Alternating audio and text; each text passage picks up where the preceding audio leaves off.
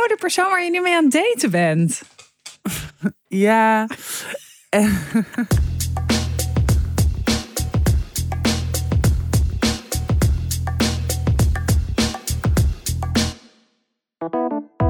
Hallo en welkom bij weer een nieuwe aflevering van Tussen 30 en Doodgaan.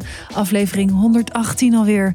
Op afstand, ik zit in het huis van Rinsen. Zo dichtbij, maar zo ver weg. Ja, je voelt a world away, baby. Ja, hè?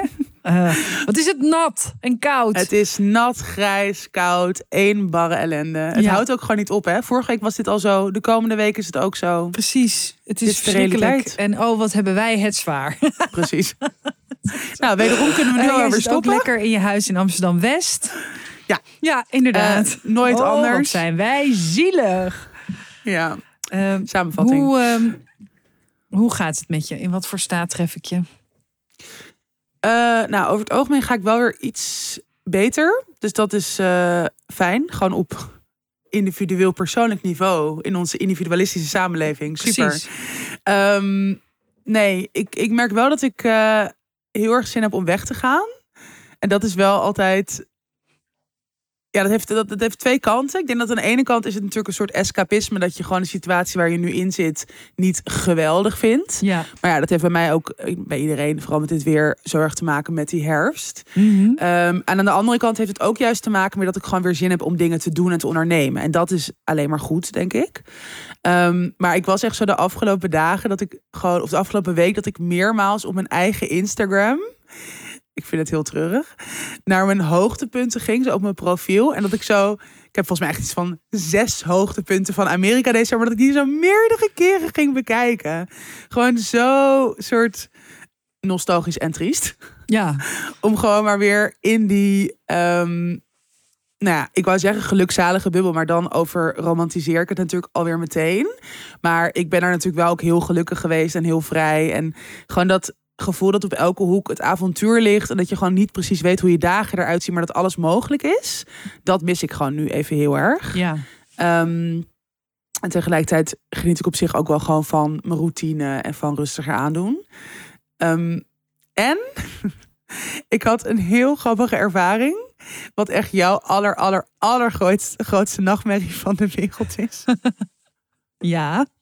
Namelijk, ik was naar ehm, de eh, Taylor Swift film. Oh En dat ja. is niet, ja, dat is niet een film van over haar leven of zo. Of weet ik veel, een, een film die zij heeft geregisseerd of waar ze inspeelt. Nee, het is de eh, concertopname, de live opname van dus haar Eras Tour.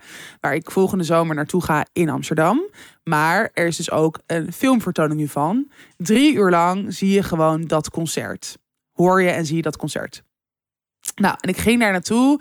Eerst was ik echt zo, nee, ik wil daar echt niet naartoe. Want ik wil een soort die ervaring houden tot hier in Amsterdam. Dat ik er live bij kan zijn. Ik wil het soort van, weet je niet alles al weten. Niet voorspelbaar. Maar toen zag ik op TikTok allemaal filmpjes. En toen dacht ik, ik moet, ik moet dit gewoon nu zien. Ik, ik, ik heb dit nodig in mijn leven. nou, dat was al, dat was al de, het begin. En toen ging ik met eh Lizzie, onze gemeenschappelijke vriendin, die ook een Taylor Swift fan is. En met haar neefje, die ook echt een enorme Swiftie bleek te zijn, Olivier. En nou, we gingen op zondagmiddag, Pathé Arena. Je kan je voorstellen, alleen maar kinderen en tieners. Gewoon die hele zaal zat vol met minderjarigen eigenlijk. Mhm. En wij. Eh, Olivier is eind 20, wij zijn begin 30. Super. En natuurlijk ook heus wel, weet je wel, wat plukjes andere verdwaalde volwassenen. Wat maar moeders.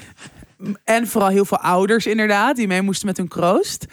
Maar het was gewoon, ja, nogmaals, voor jou de grootste nachtmerrie ooit. Iedereen, of nou niet iedereen, er waren ook mensen die gewoon braaf zaten te kijken, popcorn zaten te eten en geen kick gaven. Maar een groot gedeelte toch wel van de zaal, vooral in het laatste deel, stond gewoon te springen, te dansen, te zingen. Een soort tieners gingen een soort halve heksencirkel doen op het podium. Ehm, maar ja, wij gingen dus ook gewoon meedoen. Dus op een gegeven moment, ik, ik was we moeten naar voren, we moeten meedoen in deze experience. Dus wij naar voren rennen. gewoon daar springen voor dat podium. Ja, echt, ik, ik zeg maar, als ik het nu ook vertel, denk ik echt, wat de fuck? Wie denk je wel niet dat je bent? Ben je een soort unhinged 12-jarige? Maar in dat moment was het gewoon volkomen logisch. En het, ja, het was echt een soort therapie. Gewoon echt gejankt, gelachen, gedanst, gezongen. Helemaal zo'n catharsis moment. Ja, ik heb het, ge- ik heb het voorbij zien Jij bent ook gewoon een soort van doodstil. Jij, jij kan ook gewoon een soort geen reactie geven. Volgens mij heb ik bij Lissy eh, nog wel kunnen reageren met het woord verschrikkelijk.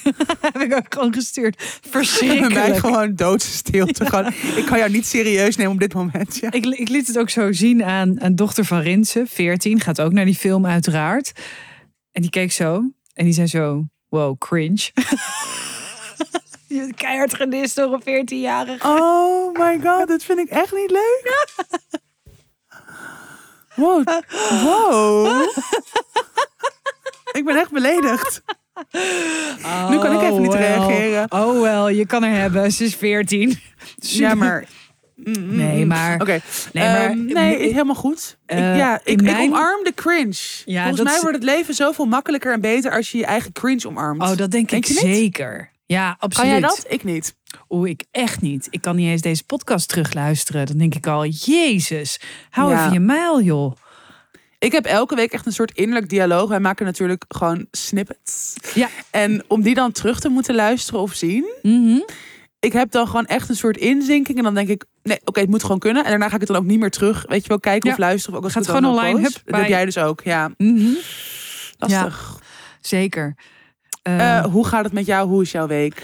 ja, mijn Tell week, me more. ja, mijn week is best wel... Ik heb gewoon heel veel leuke dingen gedaan. Dat is ook wel eens fijn. Hmm. Ik heb een hele leuke avond en nacht gehad in eh, Antwerpen.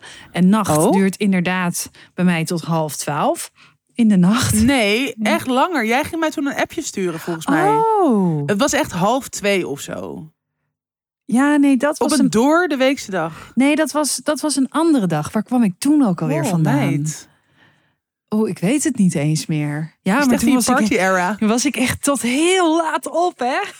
I know. Ik was helemaal verbaasd. Waar was ik?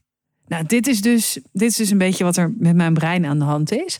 Ik ben, ben soort, omdat ik het niet meer heel druk heb, ga ik dus opeens heel laconiek met mijn tijd om. Oh ja. En eh, eh, sta echt op het punt heel veel dingen te vergeten. Eh, ik had me ook een uur vergist in deze opname. Ik, Ja. zat, ik zat al lekker klaar om half vier. Ik ben er hoor. Ik had, ik, zat dus, ik had aan jou gevraagd of het later kon. ja. En, en ik was er een uur eerder. Dus Super. top, Ja. Maar mijn broertjes kwamen naar Antwerpen. We hebben zo heel leuk Ah, zo door de leuk. stad gebanjerd, lekker gegeten. Ze hadden echt een ontzettend mooi hotel waar ze sliepen. En dan had ik ze cadeau gedaan voor hun verjaardag. En dan was heel Ah. leuk zo dat ik zo die kamer opendeed. En er stond zo bij een zo'n jacuzzi, bij de ander ook zo'n houten bad in de kamer en zo. En dat was echt Wow, heel leuk. cool. Ja, echt heel leuk. En het was Oh, en ook fijn om met z'n drieën gewoon even in, weer in zo'n stad te zijn die je niet met in, in dat gezelschap kent. Precies, ja, met z'n vijf. Want eh, zijn, eh, mijn broertjes vrouw, Oh ja. vrouw was er ook bij en Rins En was er ook bij. Oh ja. Dat was heel leuk. Er was iets anders waar ik eh, een optreden waar ik een beetje tegenop zag, wat ik heel spannend vond. Dat viel weg. Dat werd Hmm. afgezegd. Dus dat was een soort wow, extra Ja, Nog zo'n enorme vrijheid en gewoon rust. chillness. Ja, en ik heb ehm eergisteren, ik heb twee dagen in de keuken gestaan, heb ik Indische rijsttafel gemaakt voor eh, onder andere Pepijn Schoneveld en Raoul Heertje en Alex Ploeg en allemaal vrienden Nina de Lacroix. Nina de Lacroix. N- Nina de Lacroix. Ik noem haar maar, omdat ze altijd super boos is dat, dat ze niet wordt genoemd in de podcast. Maar ik, ik, heb, Nien- ik heb gekookt voor Nina de Lacroix. Gaat het toch gewoon over mij? Super, eregast. Nina de Lacroix was de eregast. Heel goed. Ehm, dat. En eh Vief en Daan, mijn beste vriend, was er ook. En we hebben zo. Oh, en Rinse, daar, nu heb ik iedereen genoemd. Want anders dacht je zo. Oh ja, want anders noem je mij niet. Waarom niet? Oké, iedereen genoemd. En Nina de Lacroix dus. En eh, ja, ik had twee dagen in de keuken gestaan. Daan ook. En we hadden een hele Indische rijsttafel op, Oh, wat opgezet. Heerlijk. Lekker gegeten, ehm, lekker gekletst, mooie verhalen. Raoul kwam toen net van zijn optreden bij Galit en Sophie. Wat Mm. ik iedereen aanraad eh eventjes terug te kijken. Ehm was echt heel erg mooi wat hij daar zei. Eh, over eh, Israël-Palestina uiteraard. Daar ging het over. En het was fijn om daar eventjes over na te kunnen praten. Maar ook om gewoon even samen te zijn. Ja. Ehm, ja, dat, dat heeft, me, heeft me echt heel erg goed gedaan. En ik heb dus gisteren, dat was heel heel chill. Rinse Mhm. presenteert af en toe de ochtendshow op Sublime. Oh ja. Eh, en dat had hij, eh, vandaag is het vrijdag, eh, dus vanochtend, maar ook gisterochtend. En eigenlijk moest ik allerlei dingen doen. En ik heb dat gewoon allemaal niet gedaan. Ik ben in bed blijven liggen tot hij thuis kwam. Om half elf, kwart voor elf. En toen Mhm. ging hij weer in bed liggen. En toen hebben we tot vijf uur smiddags in bed gelegen. Oh, wat lekker. En niks gedaan. Gewoon die, Wow. die videolandserie die jij ooit hebt geti- getipt. Die Million Little Things of zo. Oh ja. Gewoon de hele tijd gekeken. Rinse viel de hele tijd in slaap. Want die was helemaal kapot. En het was echt... Het was Oh, wat fantastisch. heerlijk. En dan met dit weer. Het was, En gewoon even helemaal je eigen bubbel. het was zo ontzettend lekker. Oh, wat goed. En daarna ook vreten besteld.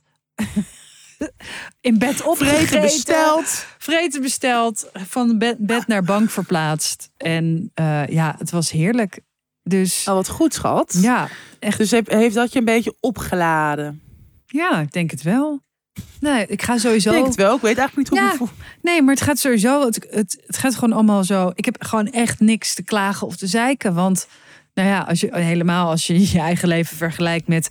Nou, zet maar even een radio of tv of eh, Ja. een, een social media aan. Denk ik, nou, ik, eh, ik moet sowieso mijn mond houden.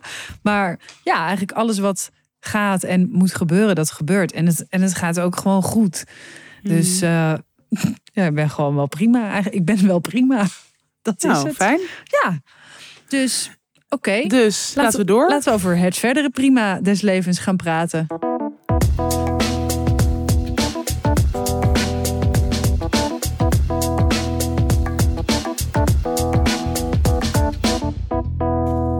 Wow, lange bumper. Ja, heel lang. Ik verveelde me gewoon. Ja, ik heb. ik ben al drie keer. Ik heb- ben al drie keer naar de keuken geweest. Nieuwe koffie gezet. Van alles. Ehm, ja, waar wil jij het allemaal over hebben? Waar wil ik het allemaal over hebben? Ehm, ja, ik heb, ik heb dus wel ook een beetje hetzelfde als jij. Dat ik gewoon denk, ja, het gaat allemaal gewoon wel prima. Ehm, wat heel fijn is, natuurlijk. En ook, ik heb wel een beetje zo. Ik heb over anderhalve week die ingreep, die LIS-behandeling voor die onrustige cellen. En ik ben er nog niet echt mee bezig, maar ik merk dat ik daar ook wel dat ik dat gewoon een week zo uit de weg ga. Weet je wel? Dat je, ook omdat ik weet gewoon niet precies wat het inhoudt. Ik weet niet Mhm. wat, hoe, hoeveel last ik daarna kan hebben. Je kan drie weken blijven bloeden en krampen hebben. Je kan ook na een paar dagen je eigenlijk alweer prima voelen een paar dingen mag je een paar weken niet, maar weet je, allemaal overkomelijk natuurlijk. Ehm, maar ja, ik, ik ga gewoon wel heel erg. Het was wel grappig, want ik vertelde het zo aan een vriend via eh, eh, iMessage, want hij was eh, in New York. En ehm, toen zei hij iets van, of ik zei ja, wel gewoon kloterig. En ik merk dat ik er wel gewoon een beetje zo gestrest over ben, maar weet je, ik, ja, ik, ik, ik duw het ook een beetje weg. En toen zei hij iets van, ja, kan je goed tegen onzekerheid? Toen dacht ik echt zo, sorry, maar wie kan er wel goed tegen onzekerheid? Maar toen dacht ik wel, ja, ik kan er wel echt heel slecht tegen. Oh. Dus ik probeer altijd een soort go with the flow. En het leven is niet maakbaar. Het leven is niet te controleren. En dat, dat vind ik ook allemaal. Dat geloof ik ook. En op sommige momenten kan ik, kan, ik het, kan ik dingen heus wel goed loslaten. Of gewoon op zijn beloop laten. Maar met dit soort dingen, die ook gewoon echt zo ongrijpbaar zijn. En ook toch best wel. Het is gewoon spannend. Het is, ik, ik blijf het gewoon heel raar vinden met die onrustige cellen. Dat je er gewoon verder niks van merkt. Ja. Dus ik heb nog nooit ergens last van gehad in dat gebied, zeg maar. Mhm. Eh, en dan toch dat je weet van, oh ja, maar er is wel echt iets mis, want het moet gewoon worden wegge, Ja. ja, brand eigenlijk. Ehm, en dat, en dat, dat ik dan, nou, daardoor ben ik wel zo dat ik denk, oh ja, dit is wel iets wat ik dus heel erg uit de weg ga. En ik merk dat ehm, ik de afgelopen weken me even heel erg aan het begraven ben in werk. En eh, ik vind dat dus eigenlijk wel fijn. Want ik heb gewoon veel te doen. En ik merk dat ik eindelijk gewoon weer een beetje soort mijn productiviteit terug heb. En gewoon ook weer meer in een schrijfflow zit. En dat ik ook gewoon mijn werk heel leuk vind. Dat ik gewoon echt meerdere keren per week zo'n soort gevoel heb van wow. Zo bizar. Wat voor. Wat is er? Ik dacht Waarom dat dans je? Ik dacht dat je ging zeggen dat je weer dankbaar ging zeggen. ik zat erop te wachten. Ik ben het woord aan het vermijden, Ja. maar ja. Nee, ik ben echt super dankbaar. Zie je, ik rol niet met mijn ogen. Ik heb een groei meegemaakt. Groei doorstaan. Oh, Ehm, nee, maar wel dat ik, dat ik gewoon wel denk van, wow, het is echt wel bizar. En ik denk dat jij dit ook wel heel erg deelt. Daar, daar hebben wij het ook wel vaker over. En ik had het ook vandaag met een andere schrijvende vriendin over. Maar dat het gewoon echt wel heel bijzonder is dat wij zoveel dingen kunnen doen die we heel leuk vinden. ja. En ja, waar dus ook gewoon genoeg animo voor is in de vorm, nou, ook met deze podcast natuurlijk, maar ook met gewoon heel veel sprekersklussen en allemaal verschillende schrijfklussen. En ehm, ja, dat, dat is wel, ik vind dat, ik prijs me daar wel gewoon echt heel erg gelukkig mee. Mhm. En dat besef heb ik gewoon de afgelopen weken, plus dat ik dus ook veel te doen heb, dat het gewoon wel goed gaat allemaal. En, maar dat ik ook wel dacht, ja, en hier hebben we het natuurlijk vaak over gehad, maar die grens tussen ehm, lekker in je eigen bubbel zitten, je ook best wel.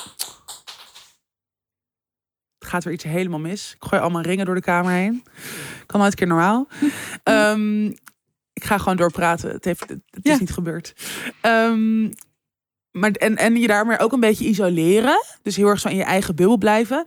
Dat kan ook zo heel erg twee kanten op gaan, toch? Dat je Ja. aan de ene kant. eh, nu zit ik nog heel erg zo in, die, in, in dat lekkere gevoel van... oh, ik vind het ook met dit weer en met gewoon... ik vind mijn huis heel fijn en gewoon elke dag als er overdag ook kaarsen aan... en gewoon duizend koppen thee en gewoon lekker in je joggingpak werken... en het gevoel hebben van ook ik zit er echt, echt goed in. Maar het kan natuurlijk ook dan weer zo overslaan op... oh ja, ik zie nu al weken bijna geen vrienden... en ik reageer niet op berichten... en ik voel me ook een beetje detached van de werkelijkheid...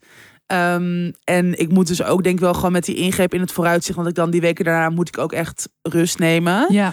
Ehm, moet ik wel gewoon echt ook even voor zorgen dat ik bijvoorbeeld gewoon genoeg mensen hier thuis uitnodig of zo. Weet je wel, dat ik Mhm. gewoon vraag of mensen hier willen komen werken of voor me gaan koken of gewoon dat soort dingen. Dat ik niet helemaal dan eh, in een soort isolement terechtkom en dan ook echt wel naar de depressievere kant toe kan schieten. Dat, ja, dat weet ik ook gewoon van mezelf. Ja.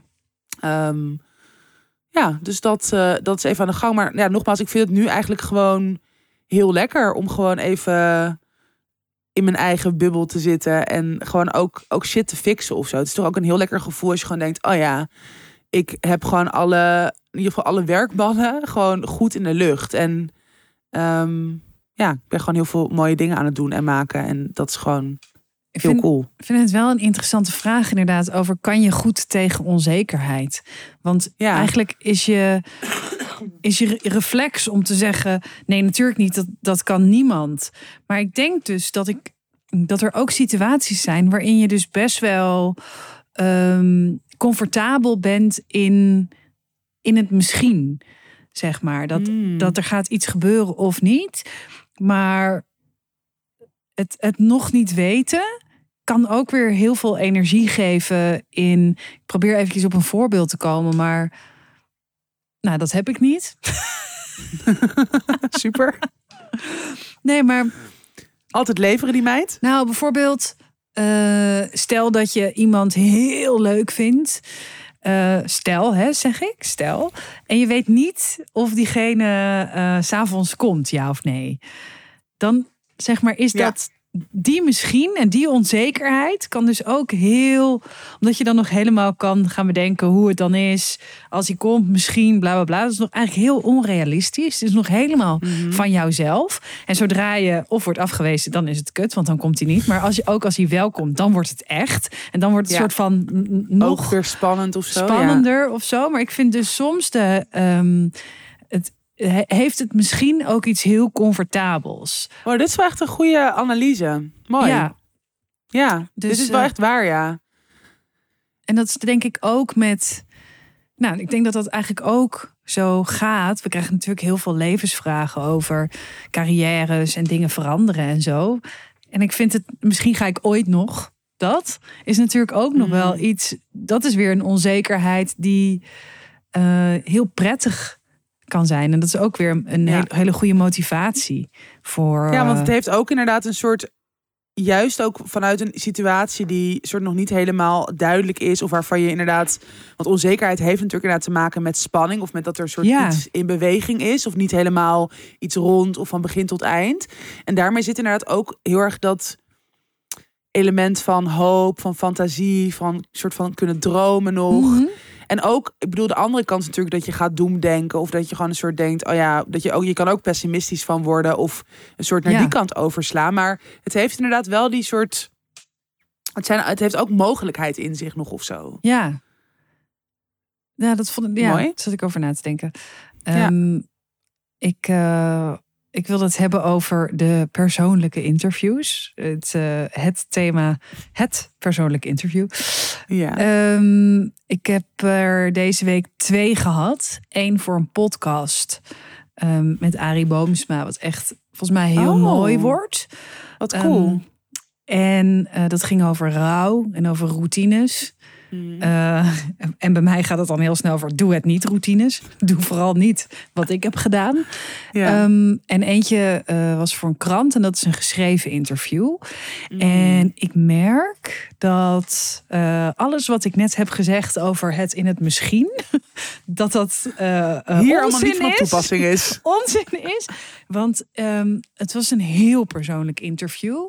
En ik merk. Ehm, ik, ik heb eventjes een levensvraag uit de DM getrokken. Die we toevallig Mhm. vandaag kregen. En die ga ik er eventjes bij, pa- bij pakken. Want eh, opeens voelde ik er heel veel bij. Eh, Mhm. Een hele luisteraar die stuurde... Ik heb heel veel last van imposter syndrome. Als ik op Instagram kijk, dan lijkt het net of de een na de ander films, boeken, et cetera uitbrengt. Terwijl ik eh, de eerste stappen niet gedaan krijg. Jullie lijken veel, er veel vrijer in te staan. En ik heb daar bewondering voor. Ik vraag me af, hebben jullie tips om te maken in plaats van eindeloos overdenken? En vooral, wanneer weet je of iets goed genoeg is om de wereld in te gooien, om aandacht voor te vragen? En Mm. ik merkte dat toen ik het las, eh, betrapte ik mezelf erop dat ik dat imposter syndrome, zeg maar, dat dat eigenlijk ehm, misschien nu niet meer zit in mag ik er zijn als schrijver. Straks komen ze erachter dat ik helemaal niks kan en dat ik niet kan schrijven. Maar ik Mhm. heb dat nu heel erg in eigenlijk alles daarachter. Dus nu met die persoonlijke interviews. ehm, dat ik denk, oeh, straks komen ze erachter dat ik eigenlijk helemaal niks te vertellen heb. Mm. Ehm, dus over eh, wanneer weet je of iets goed genoeg is om de wereld in te gooien. En om er aandacht voor te vragen, volgens mij is zo'n imposter syndrome er altijd. En blijft het zichzelf heel erg verplaatsen. Dus Ja. maar wat ik dus nu heel erg de neiging heb om, om daar weer een beetje controle over te pakken. Dus om die journalist nu al voordat ik de eerste versie heb gelezen, heel erg te gaan lastigvallen. Nee. Met allerlei. Ja, ik, ben, ik sta echt op het randje. En ik weet dat ik het niet moet doen. Ik moet het gewoon even laten. Rustig lezen. Op me laten inwerken. eh, kijken wat ik ervan vind. eh, weet je wel dat. Maar ik merk dus Mhm. do- doordat dat ik denk. Oh, straks heb ik helemaal niet genoeg te vertellen. Dat ze Ja. denken. Oh, je, je hebt echt alles wat je hebt in dat boek gestoken. Daarnaast blijft er helemaal niks over. Ehm, dat ik dan eigenlijk dus veel meer vertel dan ik wil vertellen. Dus van tevoren Mm. neem je je voor. Hier ligt de grens bij dit. Hier ligt de grens bij dat. En na de eerste vraag. Tak, tak, tak, Was tak. alles gewoon al alles, soort... alles lag er. Alles lag Oh op my tafel. God. En dan da- daarna denk je, ja, ja, de- deze journalist kan mij neerzetten als een heel vrij, creatief, vrij denkend mens. M- Maar deze journalist zou me ook neer kunnen zetten als eh, eh, eh, een kind met een moeilijke jeugd. Daarna een soort van eh, wandelende homewrecker. En nu eindelijk, na vijf jaar therapie, op het randje van de goot. bij, een- bij een leuke man terechtgekomen. Oh god, als ze dit maar niet verpest. Het zou allemaal kunnen. Het zou allemaal Oh, kunnen. benieuwd naar dit interview? Echt zin in? Ja, daarom zeg ik, ik zeg gewoon niet echt nu eh, voor wat het is. Eh, Nee. wat En dan het, ga, ga ik echt wel zeggen. Ja, ik, ik kom er echt nog wel op terug. Maar nou, misschien komt het ook omdat ik mezelf deze weken zoveel over mezelf heb horen praten. Dat Ja. ik denk, serieus, zijn jullie hier nou echt nog steeds in geïnteresseerd? Ja, ja, ja, trauma. Ja, ja, ja, rouw. Bla, Ja. bla, bla. En wat Maar ik dat dus is altijd het... Ja, zeg maar. eh, wat ik dus ook heel erg. Eh, ik krijg dus ook heel veel vragen over, over de podcast. En niet zo van. eh, ja, wat leuk, maar zo van, ja, wa- waarom? Ja, want daar zijn jullie echt super open en heel, en je gooit alles op tafel en zo. Dit vind ik heel irritante vragen. Ja, Ik krijg die ook de hele tijd nu. precies. Over hoe open wij hier zijn. Terwijl ik denk, kijk, ten eerste, hier houden we natuurlijk ook heel veel dingen voor onszelf. Precies. Laten we, en dat maakt verder, ik vind dat niet echt heel erg belangrijk, maar laten we dat gewoon nu één keer zeggen. Het is niet een soort van dit ons hele leven is of alles soort we alles bespreken. Mhm. Maar ik vind het gewoon nog steeds heel vervelend dat een soort openheid, eerlijkheid, nou, kwetsbaarheid, maar ik vind dat nu ook alweer een soort vervelend woord, wat natuurlijk ook zo hyperig. Ja, sorry. Ja, ja, ja. Kwetsbaarheid, Precies, dankbaarheid. precies Ik kan het allemaal niet meer aan, Ja. want het is allemaal gehyped. Maar dat dat nog steeds een soort van niet de norm is. Mhm. En daardoor ehm, ja, ook, ook eigenlijk wel een beetje een negatieve connotatie nog steeds heeft. Alsof het dus een soort van het toch meer waarde heeft als je dingen voor jezelf houdt. Of het soort binnenshuis houdt. Of gewoon nog steeds een beetje dat niet alle vuile was buiten of zo. Ja, Ehm, maar ik, ik, ik eh, merk dus, ik merk dus, en dat vind ik heel naar aan mezelf. Ik merk dus dat ik er ook een beetje zo naar ga reageren. Zo van, ja, maar ja, door die podcast verdienen we gewoon heel veel geld. En kan ik schrijven wat ik wil, kan ik, eh, weet je wel, zo. En dan hoef ik niet, hoef ik me geen zorgen te maken over dit of dat of zo. Dus ik ga het ergens een soort verantwoorden. Naar, Ja, en dus ook een beetje een soort inderdaad dan de focus verschuiven. Want kijk, ja, wij zijn deze podcast wel ook begonnen omdat we juist, eh rijk wilde worden. Nee, Malou, niet alles draait om geld. jammer hè?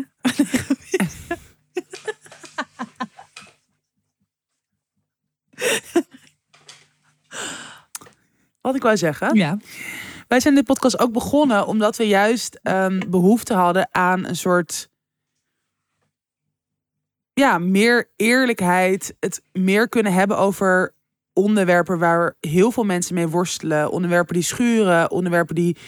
Waar, of juist meer nuance eh, in aangebracht mag Mhm. worden dan je vaak hoort in de media, in de. ehm, openbaar, ja, in de opiniestukken, zeg maar. Ja. En we vonden het heel erg irritant dat het vooral een soort mannelijke collega's en vrienden waren die allemaal rond een podcastmicrofoon gingen zitten en alleen maar hun gal de wereld in spuwden. Ehm, maar dat is wel. eh, en dat is ook wat, wat we als reacties krijgen van luisteraars. Dat, Ja. dat mensen dat heel fijn vinden. En dat, ze, dat het herkenning oproept of troost. Of dat, ze het, dat het ze aan het denken zet. Of dat ze het daardoor zelf makkelijker vinden om gesprekken aan te gaan met mensen om hen heen. Of in hun werk. En dat, dat, is, dat is fucking waardevol. Ja. Eh, dus waarom, waarom zou... Ja, maar ik herken dit hoor. Dus het is helemaal niet soort van nu naar jou van... Oh, Ja. maar ik... Nee, helemaal niet. Want ik heb dit zelf ook. Ja. Fuck you, ik stop nu met de podcast. Dat kan niet, want wat? Er komt nog wel heel veel geld aan. Jezus. Nou, het is alweer duidelijker wat Malou tegenwoordig de focus ligt. Nee, maar Helemaal verandert die meid. Ja. Bestsellers. ehm, nee, wat, wat ik wel, eh, ja, dat, ik vind het ook een soort van. Het, het voelt inderdaad heel erg als kritiek, terwijl. eh, mijn vorige, eh, degene die dat tegen mij zei, was volgens mij eh, eh, begin 60. Dus ik dacht ook van, ja, het is ook helemaal niet voor jou. Ehm, Nee. Dus misschien moet ik het ook. En het is ook in dat, in dat generatieverschil zit ook, zit ook heel erg een verschil in dus waarover zwijg je, wat Ja. breek je open.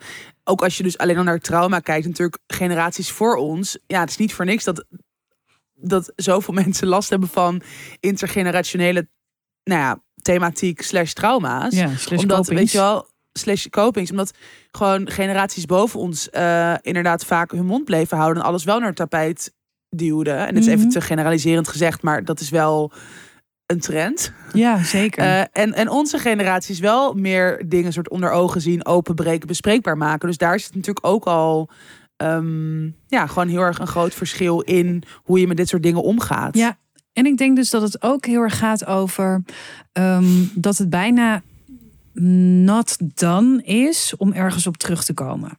Het is Ja. bijna dat als je iets zegt op de radio, in een column, eh, in een podcast, dan is het gezegd.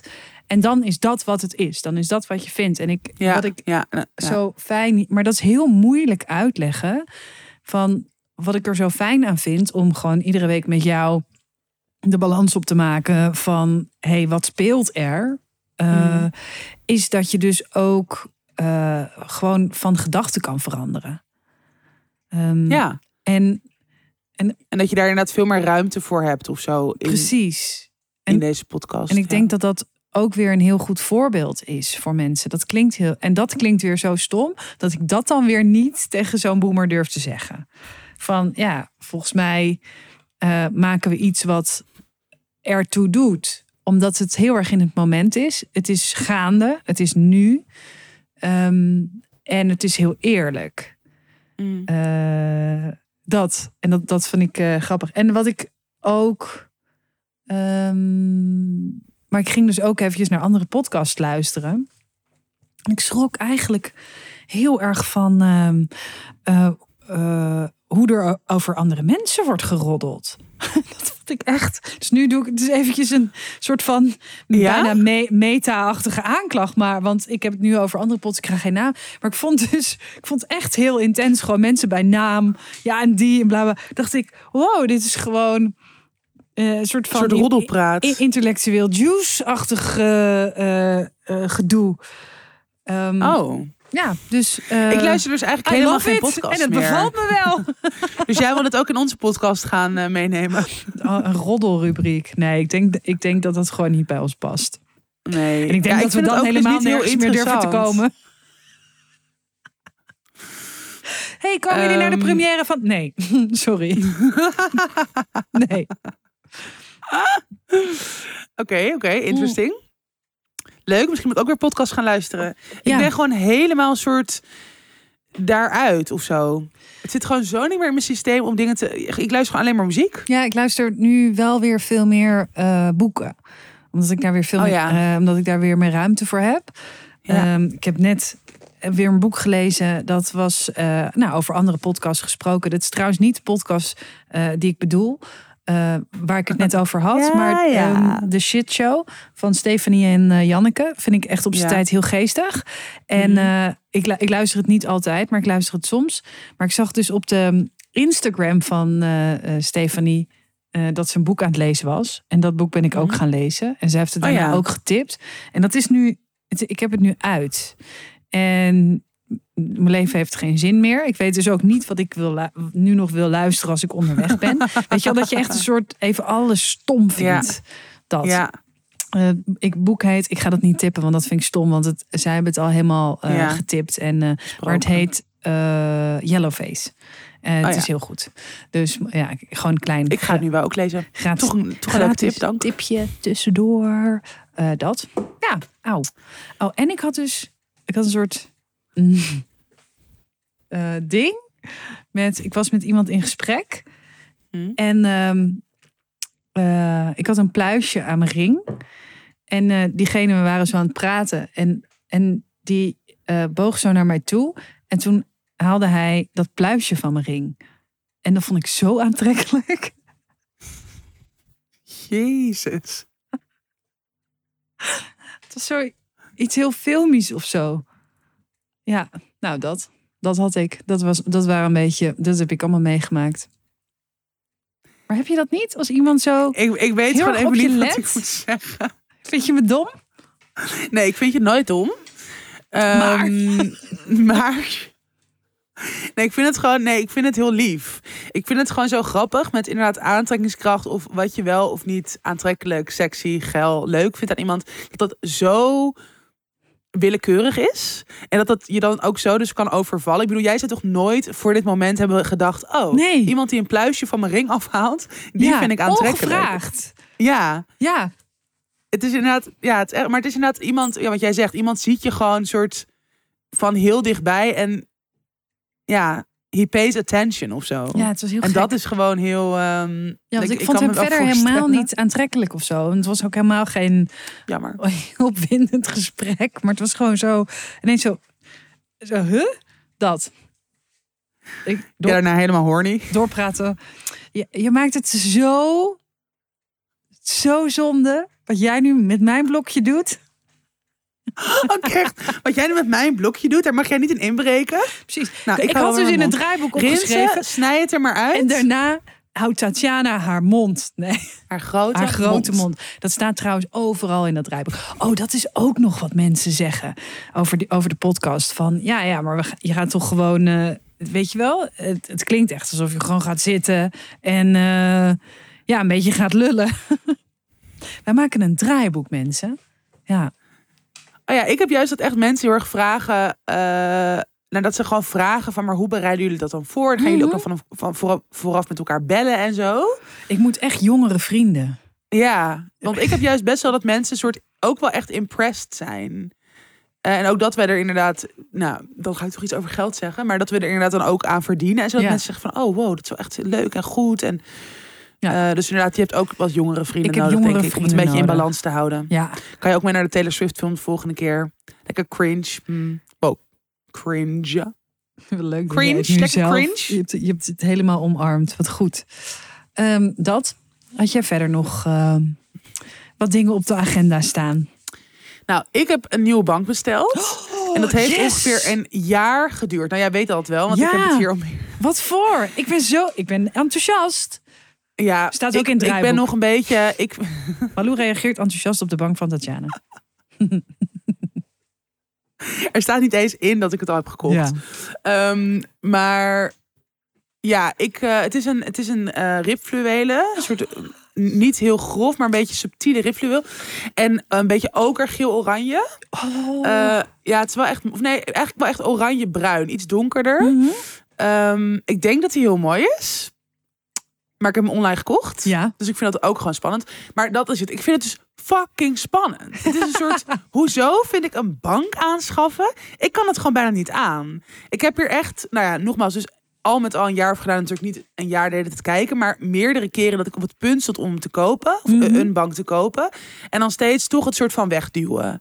En ik weet gewoon, ja, zoals, zoals u kan horen, luisteraar, ben ik erg aan het soort intern analyseren deze week waar dingen vandaan komen.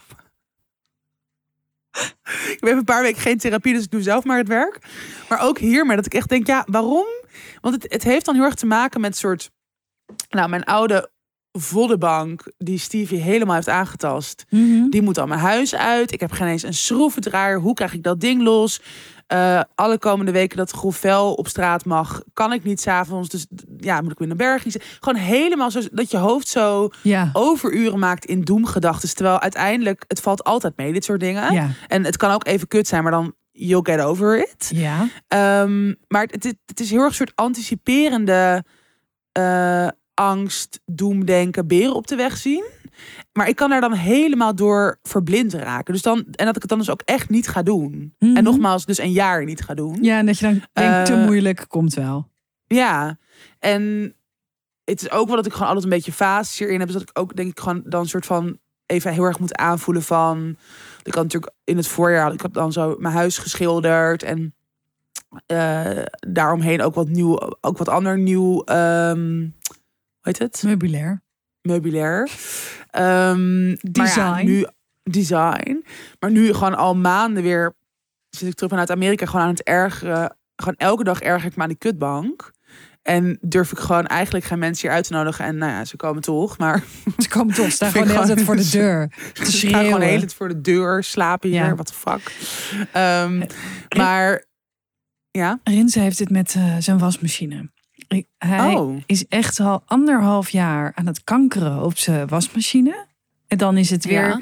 dan loopt hij weer vast. En dan moet het weer gereset. En dan met stinkt. En dan komt die was er weer zuur uit. En dan ruiken de kleren zuur. En dan denk je echt, gast, het is echt één druk op de knop. En je, en je hebt een nieuwe wasmachine. Nou, jongen, het is een opgave. Het is Maar wat, wat zit er bij hem achter? Weet hij dat? Ja, hij is gewoon knetter. Kan hij mij even bellen straks? Ja, Nee, ik weet het niet. Nee, maar en, en- en ook, eh, het is ook zo heel grappig hè, hoe dat werkt met grote uitgaves. Dat als Ja. je uit eten bent, hebben we het ook wel eens over gehad. Uit eten bent, Ja. sta je in één keer op en denk je, hé hey jongens, this one's on me. Ja. En dan voor hetzelfde geld. euro verder. Precies, en voor hetzelfde geld een salontafel, waar je waarschijnlijk jaren en jaren denk je, sorry hoor, 400 euro voor een salontafel? Ik dacht het niet. Weet je wel, dat is zo raar. Maar ik heb het nu met geld, boeit me echt even helemaal niet. Daar heb ik ook echt niet over nagedacht. Ik dacht, ja, Goed zo. volgens mij zie weet ik veel. Wat fijn. Nou, ja, maar het is zo fijn om 1300 iets euro, moois, prima. Iets heel moois voor jezelf te kopen. En je hebt het ook echt verdiend. En je huis verdient het. Ja, want dat is het ook. Ik vind dan gewoon mijn hele huis geweldig. Maar ja, een bank is gewoon zo'n centerpiece in je huis. En als je die haalt, is het toch gewoon een soort net jammer. En ga je de nageltjes van eh, Stevie af, eruit laten trekken? Ja, ze krijgt gewoon kleine handschoentjes aan. Die Oh ze ja. de hele dag moet dragen. Ik had er gewoon met zo'n met zo'n tangetje alles eruit laten trekken. Zeker, ga ik, ga ik zeker doen. Doen ze in Dank Thailand de ook, bij al die eh, leeuwen. En dan kan je ermee op de foto. Doen ze de tanden en de nagels eruit. What the fuck. Ja. Dat is echt ziek. Ja, tuurlijk is dat ziek. En ik weet dat jij dat ook ziek vindt, maar dat wist ik helemaal niet eens. Dus ik ben gewoon in shock. Oh, weet je wat ik een keer heb gedaan? Dat is echt heel erg. Tanden uit leeuw gehaald? Nee, ik heb dus een keer, toen was ik 21. En toen was ik met Jack en Lieg niet, het was vorig jaar. Nee, ik was echt 21. En ik was met Jack, Daan en Koen, mijn ex, in Indonesië. En toen zijn we naar zo'n olifantenpark geweest. En hebben we zo rondjes op olifanten gereden. En Nee, echt waar je nu heb zo jij al dat die... gedaan? Ja, dat heb ik gedaan. Ja, en ze hadden natuurlijk gezegd: nee, maar deze olifanten zijn gered van een of ander, nou, van iets wat nog erger was. Maar ze moesten dus daar allemaal kunstjes doen en zo. Het is zo erg. Nee, wat zielig. Ja, I know, maar dat was ja, het besef. Het besef van een 21-jarige op vakantie. Dat heb je dan gewoon Ja, dat had ik gewoon niet. Ik bedoel, laat staan dat ik iets wist over het neocoloniale eh, gegeven van eh, eh, Bali. Waar iedereen het nu over heeft. Niemand. Niemand kan het goed, zeggen. dat heb ik dus gedaan. Dat is nu een wijdverspreide Wel leuk dat het zo van jouw nieuwe bank naar mijn Ja, dierenmishandeling In mijn gaat. blokje stond ook... Malou houdt nu haar grote mond, maar helaas ook niet, weer gebeurd. over dierenmishandeling. Niet weer. Malou haalt frikandel uit haar mond en praat een keer niet over het doodmaken, rijden of het verminken van dieren. Ik, had dus- Oh. ik werd gebeld door. ik stond dus. Dat was heel grappig. Ik voelde me zo hypocriet. Ehm, ik ben eh, aan het proberen om Hester Ouwehand in Dit Komt Nooit Meer Goed te krijgen. En eh, toen werd ik gebeld door eh, de persvoorlichter. of de iets van de campagne. Terwijl Ja. ik dus saté stond te rijgen. Nee, voor je etentje. Allemaal pan op het vuur met pruttelende rendang en kip. En bessenjek en garnalen zo. En ik dacht, zo die pinnen. Oh my god. Hoi, nee, maar ik vind het echt zo belangrijk. om je zo graag eens de oude hand ontvangen. Bla, bla, bla. Wijf, jongen, ik. Zo. En ik zag Oh, mezelf. wel leuk dat je dit vertelt. Ik, kan zo, ik kwam zo uit mezelf en ik, ik zag, ik keek gewoon naar iemand die met jezelf. doordrenkte marinade handen. Wat je trouwens nooit moet doen als je net nieuwe gelnagels hebt. Want dan wordt het geel. Ehm, gele vingers op. Zo, en, dat, en dat je dan ja, gaat bellen met de Partij voor de Dieren. Kortom, iemand die haar ketting met hypocriet nog steeds Met draagt. verdient. Maar ik ben heel benieuwd naar je bank. I love it. Ik vind het zo goed ik dat je het ik hebt heb gedaan. er zin in. Ja, en het schijnt dus wel. Kijk, eh, ik denk niet dat hij helemaal ongeschonden blijft. Want die nagels van Stevie, ja, die zijn gewoon eh, killers. Mhm. Maar het schijnt wel dat dit materiaal wel echt minder aantrekkelijk is voor katten. Dus Ja, let us spray. precies. Eh, en anders ga ik gewoon de hele tijd met deze plantenspuit eh daar terroriseren. Oeh, mag ik dat ook een keer doen? Zeker. Leuk. Oké, De eer is aan jou. laten we doorgaan. Door. Weer die lange. My favorite. Tips. Oh, ik heb zo'n mooie film gezien. Als ik eraan denk. Heb jij hem al gezien? Nee, nog niet. Maar ik wil hem heel graag zien, omdat ik die actrice... Nou, ik ga ook niet te veel spoilen, want ik denk dat echt vind. heel veel mensen hem zo mooi vinden. Maar het is dus Past Lives.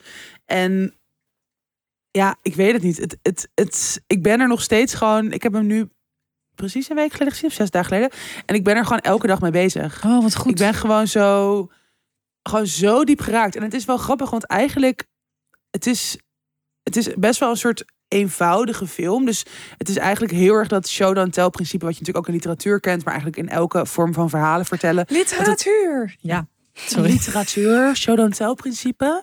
U kent het wellicht. Ehm, maar eh, wow, ik ben hier zo mee doodgegooid in mijn opleiding. Gewoon is show don't tell, show don't tell, Ja. show don't tell.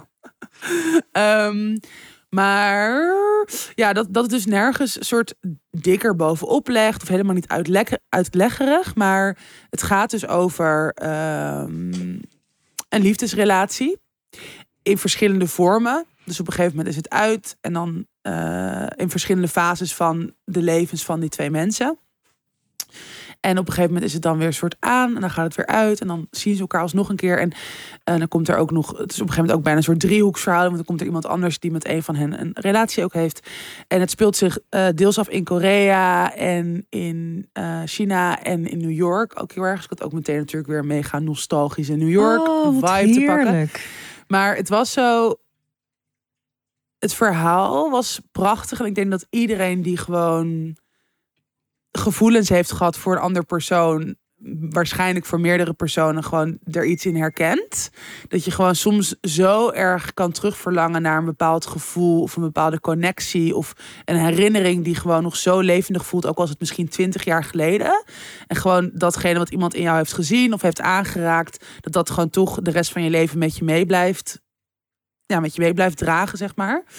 Ehm, en dan ook nog gewoon cinematografisch prachtig, gewoon gefilmd en qua muziek. En die acteurs waren geweldig. En dus ook hele mooie, interessante plekken ter wereld natuurlijk. Maar ja, ik, ik, ik ben gewoon nog helemaal zo'n soort van ervan ontdaan, weet je wel. En ik was er dan met de, eh, de persoon waar ik nu mee aan het daten ben. En Oh, de persoon waar je nu mee aan het daten bent. Ja. En- dus dat was.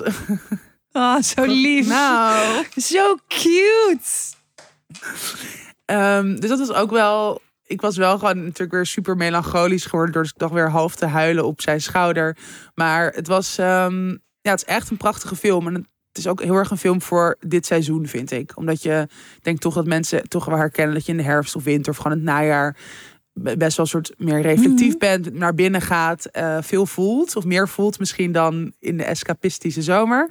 Dus deze film past daar wel heel mooi bij. Wat goed. Ja. Mooi. En jij?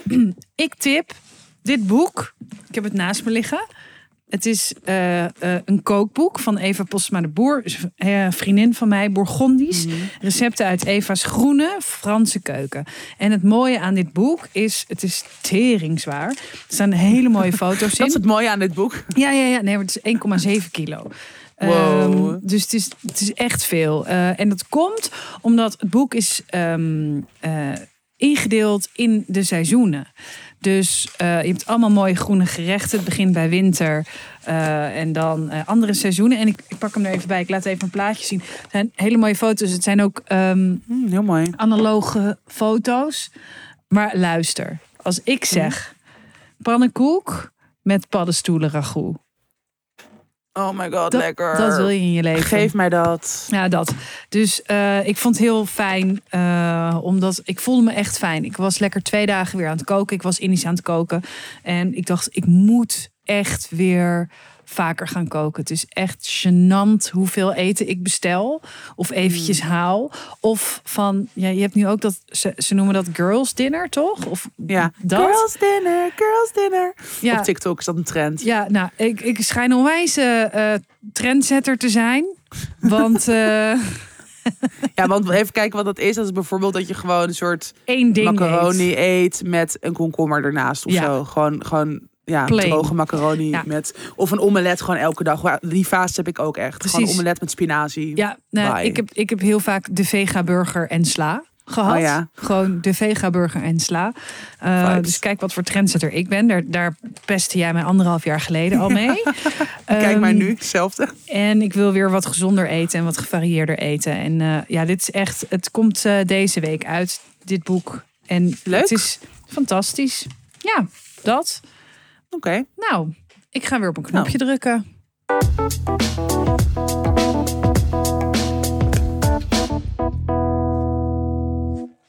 Oké, Oké. een luisteraarsbericht. Mhm. Dank voor de fijne podcast. Ik heb een levensvraag voor jullie. Ik heb een aantal jaar geleden een gesprek gevoerd met mijn ouders. Waarin ik heb aangegeven dat ik een ander soort relatie met ze wil. Omdat ik het gevoel had dat ik meer een vriendin dan een dochter van ze was. Ze deelden veel hele persoonlijke dingen met mij over zichzelf en de relatie tussen hun beiden. Dit maakte dat ik het gevoel kreeg emotioneel voor hen te moeten zorgen. Dit had een hele negatieve uitwerking op mijn eigen mental health. En ik heb veel last van angst en stemmingswisselingen. Of stemmingsklachten. Ik heb toen met behulp van mijn psych het gesprek met ze aangegaan. En daar was ik heel trots op. Sinds die tijd geven ze mij meer ruimte en dumpen ze minder trauma's op mij. Ook is er een hoop veranderd. Mijn ouders zijn uit elkaar, ik ben tante en ik zit veel beter in mijn vel en ik kan beter grenzen aangeven. Toch mis ik de diepgang die ik in mijn vroegere relatie met mijn ouders, vooral moeder, had. Ondanks dat ik niet terug wil naar die zorgrol die ik vroeger heb gehad, heb ik nu het gevoel dat mijn familie totaal niet meer weet wie ik ben en waar ik mee bezig ben. Dat voelt heel eenzaam. Ook mis ik waardering en voel ik mij niet gezien door hen. Ik spreek ze soms weken niet en het lijkt alsof ik niks hoor als ik zelf geen contact opneem. Het contact was vroeger veel intensiever, ondanks dat het dus too much en verstikkend was. Hoe kan ik aan deze relatie werken zonder weer terug te vallen in de dynamiek van vroeger? En hoe behoud ik daarin de balans en bescherm ik mijn grenzen? Of moet ik accepteren dat dit de consequentie is van mijn gesprek en mijn waardering elders, elders zoeken? Ik ben benieuwd naar jullie immer wijze inzichten. Liefs een trouwe luisteraar. Ja, een band met een ouders, met je ouders is echt zo. eh, ik, vind het, ik vind het zelf ook altijd heel complex hoor. En heel moeilijk. En ik, beg- ik begrijp heel veel van deze, ehm, deze vraag. En ehm, ik denk dat eigenlijk eh, dat laatste, of moet ik accepteren dat dit de consequentie is, die valt af. Want ik denk dat een relatie nooit af is. Dus alles heeft consequenties, maar dat wil niet zeggen dat die consequenties dan een eindpunt zijn. Weet je, je Mhm. blijft altijd eh, in ontwikkeling en ook een relatie met je ouders ehm, altijd in ontwikkeling. Zo ook je behoeftes. En ja, soms is het toch wel eventjes nodig om een hele, eh, ja, een hele harde grens eh, te trekken. Om heel even duidelijk te maken eh, dat wat er gebeurt, dat dat echt niet goed is voor jou. Volgens mij heb je dat echt super goed gedaan. Maar Mhm. nou ja, als je kijkt naar vooral die moeder eh, of jouw moeder. eh, en dat je toch ook wel ehm, dingen mist aan haar. Ja, volgens mij kan je dat gewoon. Ik denk namelijk dat iemand dat heel fijn vindt om te horen. Omdat het best wel een heftige boodschap is van... hey, het is too much. Ehm, ja, als je die boodschap heel goed hebt kunnen overbrengen... dan denk ik dat een boodschap met... hey, eh, too, too much... Het was nu een beetje too much, too much. beetje too much distance. Ja, ja, Ehm, ja. eh, ik voel toch wel een beetje te veel afstand. Ehm, ja. dat, dat dat eigenlijk ja, heel en ik mis je dus gewoon ja, heel dat erg. dat heel erg prettig is eigenlijk om te horen. En ook omdat er natuurlijk... De situatie is ook heel erg veranderd. Dus dat, dat vergt ook weer om nieuwe eh, inzichten, omgangsvormen... maar ook nieuwe behoeftes. Mm. Ja, ik vind het eigenlijk Ja, heel ik- ja. logisch dat je dat zo Ik voelt. ook. Ja. Ja, en ergens misschien ook wel. ehm, het is sowieso echt heel goed dat je dit proces bent aangegaan, denk ik. En dat je dus ook merkt dat het nu ook met jou beter gaat. En dat je misschien ook gewoon beter dus ook je grenzen voelt en weet wat je wel en niet wil. En ik denk dat je daar dus ook heel erg op mag vertrouwen. Want je zegt natuurlijk ook van, ik ben bang dat ik, weet je wel, dat het misschien weer... Ik wil eigenlijk niet dat het terug gaat naar vroeger. Daar ben je misschien ook wel bang soms voor. Of dat dat je dus ook tegenhoudt om het gesprek dan nu weer opnieuw aan te gaan. Terwijl ik denk dat je dus ook het klinkt alsof je super gegroeid hierin bent. Alsof je nog veel meer zelfkennis hebt. Mhm. En dat neem je ook allemaal mee. En ik denk dat inderdaad wat jij ook zegt, Malou, dat het gewoon het beginpunt is van dit eigenlijk allemaal bespreekbaar maken. Ja. En dat kan gewoon op een hele, denk ik, open manier. En dat je ook gewoon zegt van, ik weet het ook allemaal niet nog precies. En het is denk ik ook dat ze het gaandeweg met elkaar moeten uitvogelen. Maar ik mis ook wel een bepaalde diepgang. En is dat voor jou, voor jullie ook zo? Ja. En Ehm, ja, zullen we gewoon proberen om daar een soort nieuw e- evenwicht in te vinden. En dat, daar is natuurlijk geen blauwdruk voor of geen handleiding voor. Maar ja. eh, je kan er alleen ook achter komen als je het gaat proberen weer. Ja, wat ik heel erg merk is, wat ik heel erg herken, is dat mijn moeder is bijvoorbeeld eh, heel voorzichtig. Heel voorzichtig met eh, mij opbellen of zo. Omdat ze dan Mhm. denkt of bang is dat ik daar niet op zit te wachten. Want Oh ja. of dat ze stoort, of dat het, dat het Mm. te veel is. En dat, eh, ehm, dus dat, en dat kan ik me ook wel voorstellen dat eh, als je zo'n gesprek hebt gehad, dat mensen eh, wat voorzichtiger met je worden. En daarin is het aan jou om heel erg goed aan te geven tot hoe ver wel en hoe ver niet. En wat ik heel goed vind hieraan is, je hebt nooit de deur dichtgegooid. Die staat gewoon op een kier. Dus je kan hem zo Ja. open en zo dicht zetten als je zelf wil. En het kan ook zijn dat je nu, weet je, ja, ik zou inderdaad dit gesprek gewoon blijven voeren. En misschien ook, eh, ook gaan voeren wanneer het wel in balans is. Zodat, stel dat er straks wel weer een periode komt waarin je toch behoefte hebt aan wat minder, eh, weet je, of dat, dat, er weer, dat het weer een beetje neigt aan hoe het was. Dat je daar Mhm. ook weer veel makkelijker eh, over kan praten. En dat, dat er Ja. misschien op een gegeven moment ook helemaal niet meer zulke gesprekken nodig zijn. Dat je gewoon even tegen je moeder kan zeggen: Oké, too much information. En dat het dan Ja. door, weet je wel, dat. Ja. Dat is ongeveer wat mijn moeder altijd tegen mij zegt: Too much information. Weet je wat heel grappig was? en nou, Op jouw boekpresentatie kwam ze op een gegeven moment jouw moeder naar mij toe. En toen nou, gaf ze me gewoon zo knuffel, was heel cute. Toen gingen we gewoon even kletsen over jouw boek en over dat we allemaal trots op je zijn, nou bla bla. En toen, op een gegeven moment, toen zei ze ja, eh, ja, ik kan dus niet echt naar jullie podcast luisteren, want ja, gewoon naar je dochter luisteren die over seks en zo praat. Ja, dat, nee, dat kan ik gewoon echt niet aan. TMI, Zeg, TMI. Ik snap het. Ik denk dat de meest gebruikte zin is die mijn moeder tegen mij zegt: TMI. TMI. TMI. Ja. ja, ik vind het altijd heel erg leuk om hele gore dingen te zeggen waar mijn ouders bij zijn. Vind ik heel grappig. Echt gewoon een recalcitrante puber Ja, zit gewoon nog in jou. Nou, dat wisten we ook al wel, Ja. maar hierin wederom bevestigd. Ja. ja, ik zie dat zelf gewoon als humor. Maar Sorry. ja, Leuk einde. leuk einde. Goed. Wil je met ons samenwerken? Eh, dan kan dat. Stuur een mailtje naar tussen 30 en doodgaan gmail.com. We krijgen echt ontzettend veel leuke samenwerkingen binnen. Die komen er ook aan. Ehm, Zijn we heel blij mee. Blijven we ook heel blij mee. Ja, want eh, geld, weet je wel. Nee, grapje.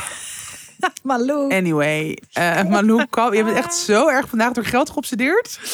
Oh, Maar manifesteren, hè, dat is echt jouw eh ja, dat is echt mijn ding. Ja, manifesteren, dat doen Ehm, vissen. Doen vissen. Lekker, good for you, gefeliciteerd. Eh, nou, samenwerken, je weet ons te vinden. Luisteraarsberichten, vragen eh, kunnen ook naar ons e-mailadres tussen 30 en gmail.com of via onze Insta. En we zijn er komende week met een extra aflevering Ja. via onze Petje Af pagina. Eh, gaan we lekker extra gossipen over van alles en nog wat. Gaan we het- Vooral over onszelf, maar wellicht over een paar andere mensen. Die weten het niet wat er gebeurt Ik weet het niet. boek bespreken, et cetera. Ehm, en eh, volgende week gaan we weer met de reguliere. Dus Doei. Ciao, ciao. Doei!